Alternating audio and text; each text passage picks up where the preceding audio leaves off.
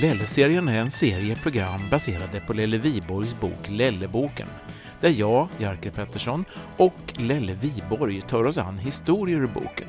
Boken kan köpas i Tyresö bokhandeln, i nätbokhandeln och direkt från författaren själv på Lelle-sidan på Facebook. Lelle-serien hör du på Tyresö radio.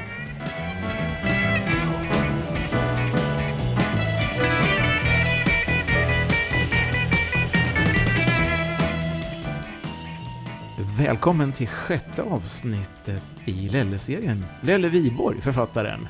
Tackar, tackar. Och eh, i det här sjätte avsnittet ska vi ta upp någonting som de flesta människor är med om kanske flera gånger i livet, nämligen en bilaffär. Men det här är inte vilken bilaffär som helst. Mm, nej, den här gick lite utöver det vanliga. Ska du ta och dra den?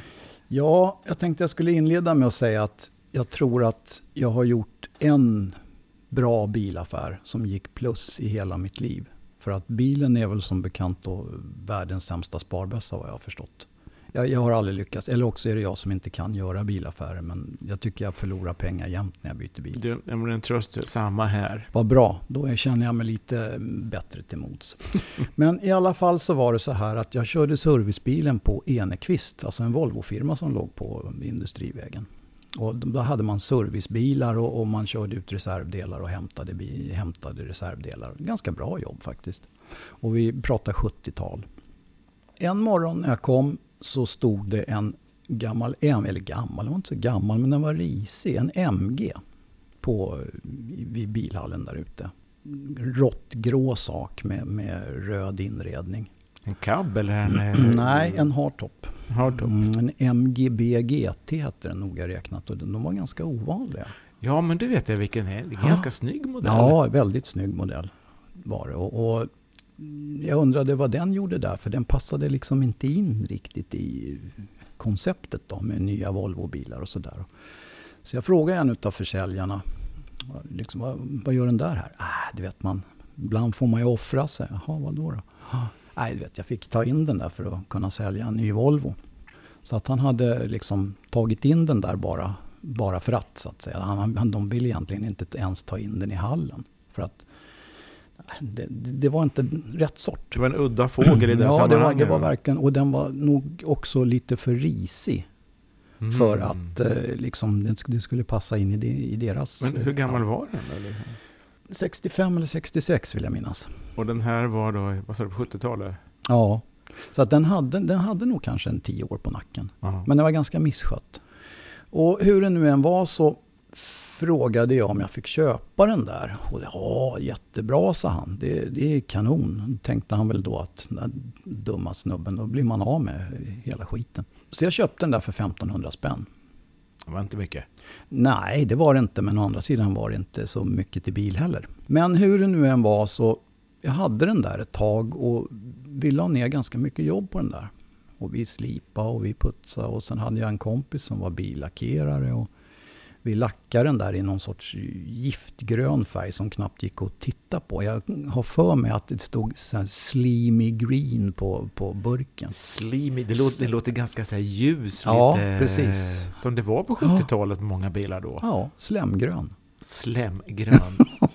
Okej. Okay. Ja, men det var ganska snygg och vi fixade ekefälgar och grejer och sådär. Eh, trevlig bil faktiskt vi var ute i alla fall en, en förmiddag, en fin solig förmiddag. Det var nog en, en lördag eller en söndag. Var vi ute på, vid ångbåtsbryggan där ute, vid, längst ut i Brevik. Mm. Stod väl där och klämde någon dricka och vad det var för någonting. Och beundra båtar. Och då låg det en båt lite på svaj, lite längre ut där en bit. En riktig fläskig båt. Och så kommer det en gubbe roende då i en liten gummiflotte och med en cigarr i mungipan och, och stor sån här kaptensmössa. Och det var inte bara mössan som var stor utan hela gubben var stor. Och så kravlar han upp på, på bryggan och så presenterar sig och så pumpar han våra armar upp och ner och sådär. Så, jag heter Nissen säger han i, i efternamn, men det kan inte du för. Nej, okej. Okay. Och så sa han, ja, vem, vems, vems är vagnen? Så pekar han på den här MG'n. Ja, det är min, så. Ja, det, min dotter vill gärna köpa den.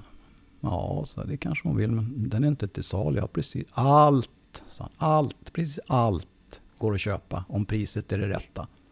Ja, ja så jag, men nej, det, jag tycker inte det. Jag har lagt ner sig. Och så drog jag hela historien då. Men han nöjde sig inte med det. Utan han sa så här när jag hade pratat klart. Ja, det är bra, då vet jag. Nämn priset. Och jag tänkte att ja, men om jag drar till utav bara HE alltså drar väl gubben öronen åt sig och, och säger att nej, någon måtta får det vara.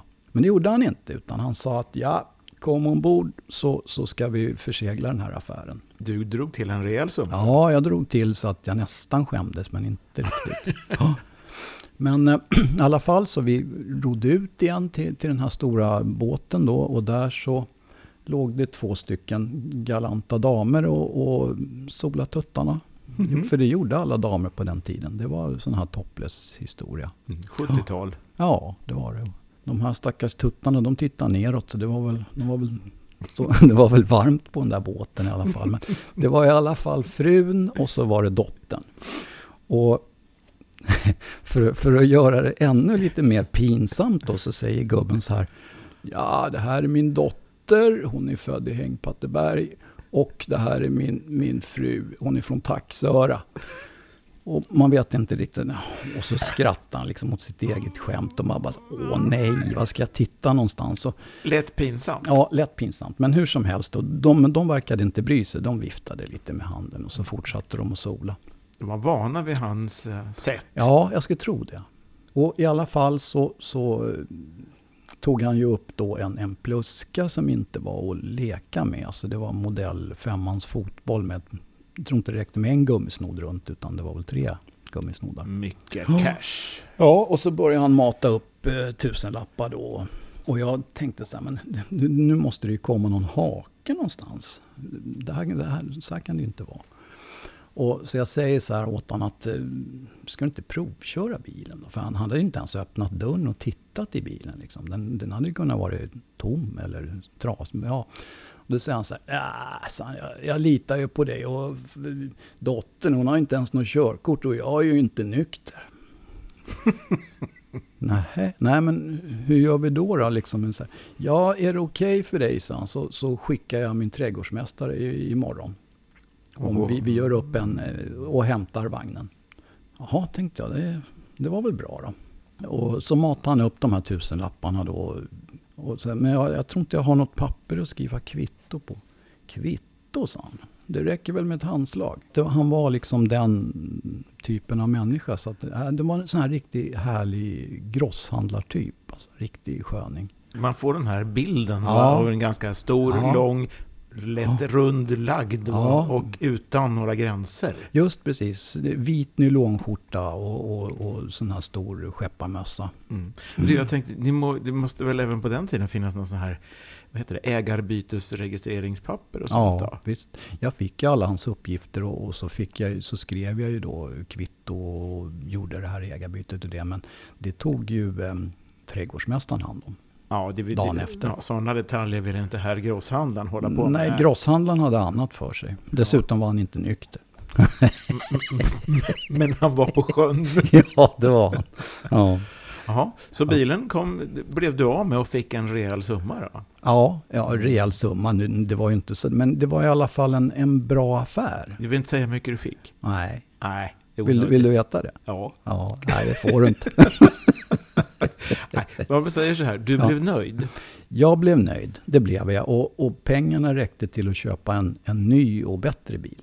Så, som, som kanske passar lite bättre. Så att det var en bra bilaffär faktiskt? Ja, det var, det var en bra bilaffär. Och skulle jag börja berätta om alla dåliga bilaffärer jag har gjort, då fick vi sitta här i en vecka ungefär. Det blir avsnitt 174. Ja, precis. Min 174 taskiga bilaffär. Ja. Ja.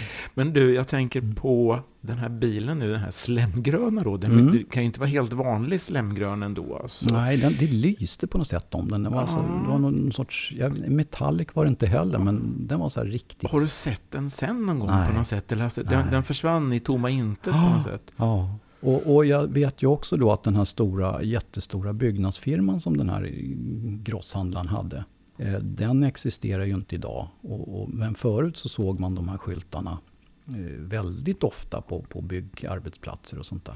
Frågan är om grosshandlaren lever? Nej, det kan han inte göra. Han måste ha varit typ 70 bast då. Och det här är ju, det är ju 50 år sedan. Men hans dotter kanske då det, lever? det kan hon ju göra, va? för att jag menar, hon var ju kanske i vår, min ålder. Ja. Mm. Och hon då kanske kom och tar körkort och kanske körde den där bilen. Ja, Vem vet? Slembilen. Slembilen va? Ja. Tänk, vil- vilken Ja. grej om hon skulle råka höra det här. Det är väl Mm. lite allt för stor chans, men ändå. Mm. Ja, och liksom det dyker upp eh, fortsättningen på vad hände med bilen. Va? Ja, för det här var ju ingen, det var ju ingen optimal bil för en, en tjej som då stod i begrepp att ta körkort. Då, för att det, var- det, de är inte lättkörda de där och det var elektronisk överväxel och grejer. Så att det var ju inte någon nybörjarbil direkt. Men det var en himla bra bilaffär Ja, det var det. för dig. För mig. Det var sjätte avsnittet det. Och i eh, nästa gång, det sjunde, då har vi en, ja, en story som heter Egen ingång. Lite spektakulärt eh, frågetecken där, vad det kan innehålla. Men det får vi se. Det får vi se. Mm. Då hörs vi. gör vi.